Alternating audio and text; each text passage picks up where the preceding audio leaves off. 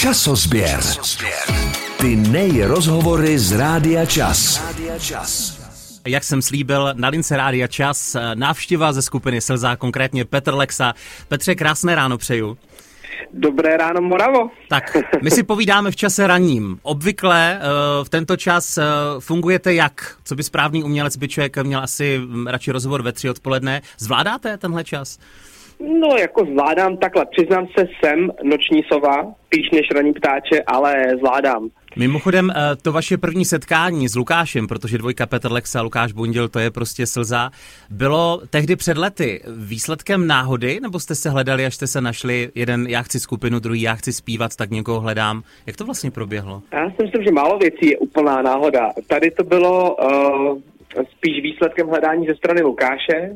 Lukáš hledal zpěváka, procházel všechny možný, uh, já nevím, jestli jako že vyloženě castingovky, ale um, jako na zpěváky, ale nakonec mě našel na YouTube mm-hmm. skrz covery, kde jsem nahrával prostě covery zahraničních písniček, tak se mu nějak zalíbil uh, asi můj hlas a osloval se mi a zbytek je historie.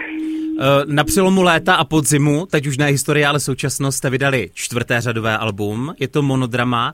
Eh, změnil se nějak autorský tým za poslední roky, nebo se prostě držíte svého a jenom jsem tam nějaký host? Ta základna je stejná pořád? No, vůbec. Eh, všechno se to mění vlastně docela hodně. Od první alba ta změna byla velká, nebo respektive první dvě alba vznikaly tak, že hudbu dělal Lukáš spolu ještě s producentem Daliborem Cidlinským a texty potom dělal Xindl X. A já jsem mu vždycky jako nadhodil nějakou udičku, o čem by to mělo být. Mm-hmm. A podle toho napsal text. No a od třetího alba jsem se začal zapojovat i já autorsky, plus jsme začali právě přizývat jako další producenty, songwritery, kteří s náma psali.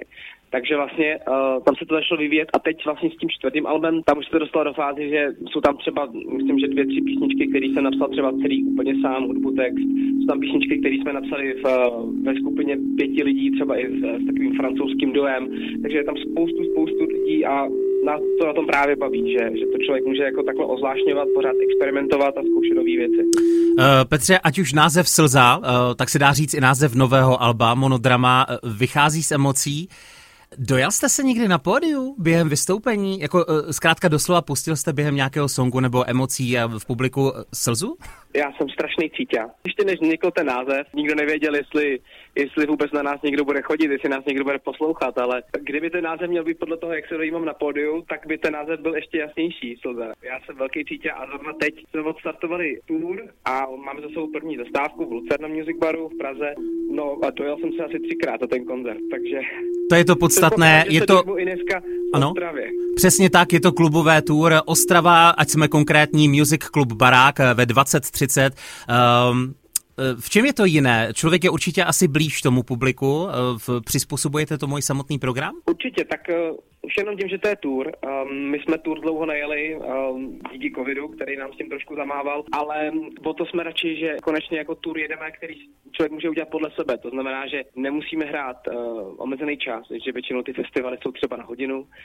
Můžeme si zahrát toho, kolik chceme, jak chceme, jak dlouho, takže zahrajeme víc písniček stoprocentně a hlavní to je i v tom, že tam budeme křtít naši desku, jak už jsi zmiňoval, to monodrama. Přesně. Takže tu budeme křtít a bude to jedinečný, protože nikdy jsme v Ostravě křes nedělali, tak na to se moc těším. Se musím vrátit k tomu samotnému názvu. Všeobecně, je to porod pojmenovat celé to nové dílo, nebo zábava vybírat vlastně jméno, anebo to vůbec neřešíte a potom obvykle tam lidi plácnou třeba název nějakého singlu a mají to? No, um, Určitě jsme to řešili míň než uh, dřív, protože třeba u Katarze nebo Holomrazu, mm-hmm. tam opravdu jako jsme to brali koncepčně, že jsme prostě chtěli vzít koncept a podle toho konceptu pojmenovat tu desku a nějak, aby to souviselo s těma písničkama, ze vším. A tady jsme prostě dávali dokupy 10 písniček, uh, některý jsme vytahovali ze šuplíku, některý byly až dva roky starý. A zrovna jedna z těch, která byla fakt dva roky stará, tak jsme ji vytáhli a tehdy měla název ještě nějak demo, nějaký čísla, něco. A já jsem poslouchal vlastně ten text, který jsem tehdy napsal, monodrama. Říkám, mm. to je fakt hezký slovo.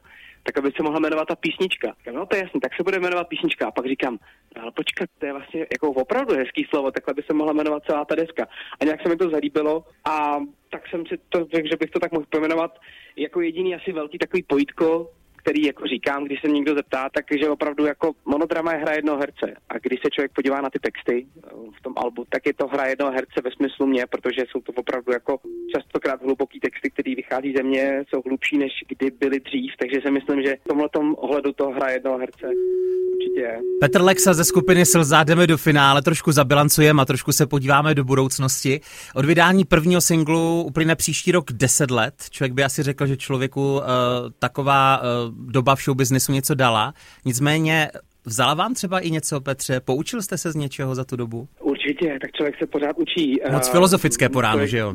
Neustále naráží, neustále se z toho musí pamatovávat a poučit se, takže určitě jo, ale samozřejmě jako víc mi toho dala, je to, to krásný období, období, který nikdo nečekal, stalo se to všechno jako z ničeho nic a bylo to období tvrdý dřiny, protože samozřejmě přišlo tehdy nárazový jako velký boom ze vším všudy, ale člověk potom o to víc musel makat, ale je to taková ta práce, kterou si člověk užívá, takže já jsem za těch deset let strašně šťastný.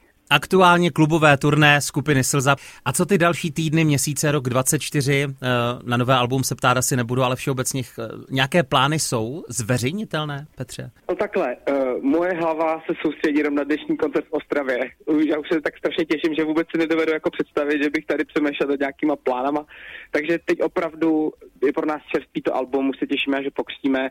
Těším se dneska na Ostravu, pak nás čekají ještě dvě zastávky tour. No a potom uh, teď opravdu toho bylo strašně moc kolem tour, kolem Alba, takže já se těším, až si po čtyřech, pěti měsících jako poprvé zastavím, takže trošku jako vypnu aspoň na měsíc, no a pak uvidíme, začneme skládat nové písničky a připravovat další klipy, singly. Až skončí tour, tak, tak uvidíme dál. Petr Lexa ze skupiny Slza hostem eh, na Rádiu Čas. Ať se dílo daří, plňte si své sny a díky moc za příjemné povídání, Petře. Taky díky, mějte se krásně, ahoj. Časozběr. Ty nej rozhovory z Rádia Čas. Rádia Čas.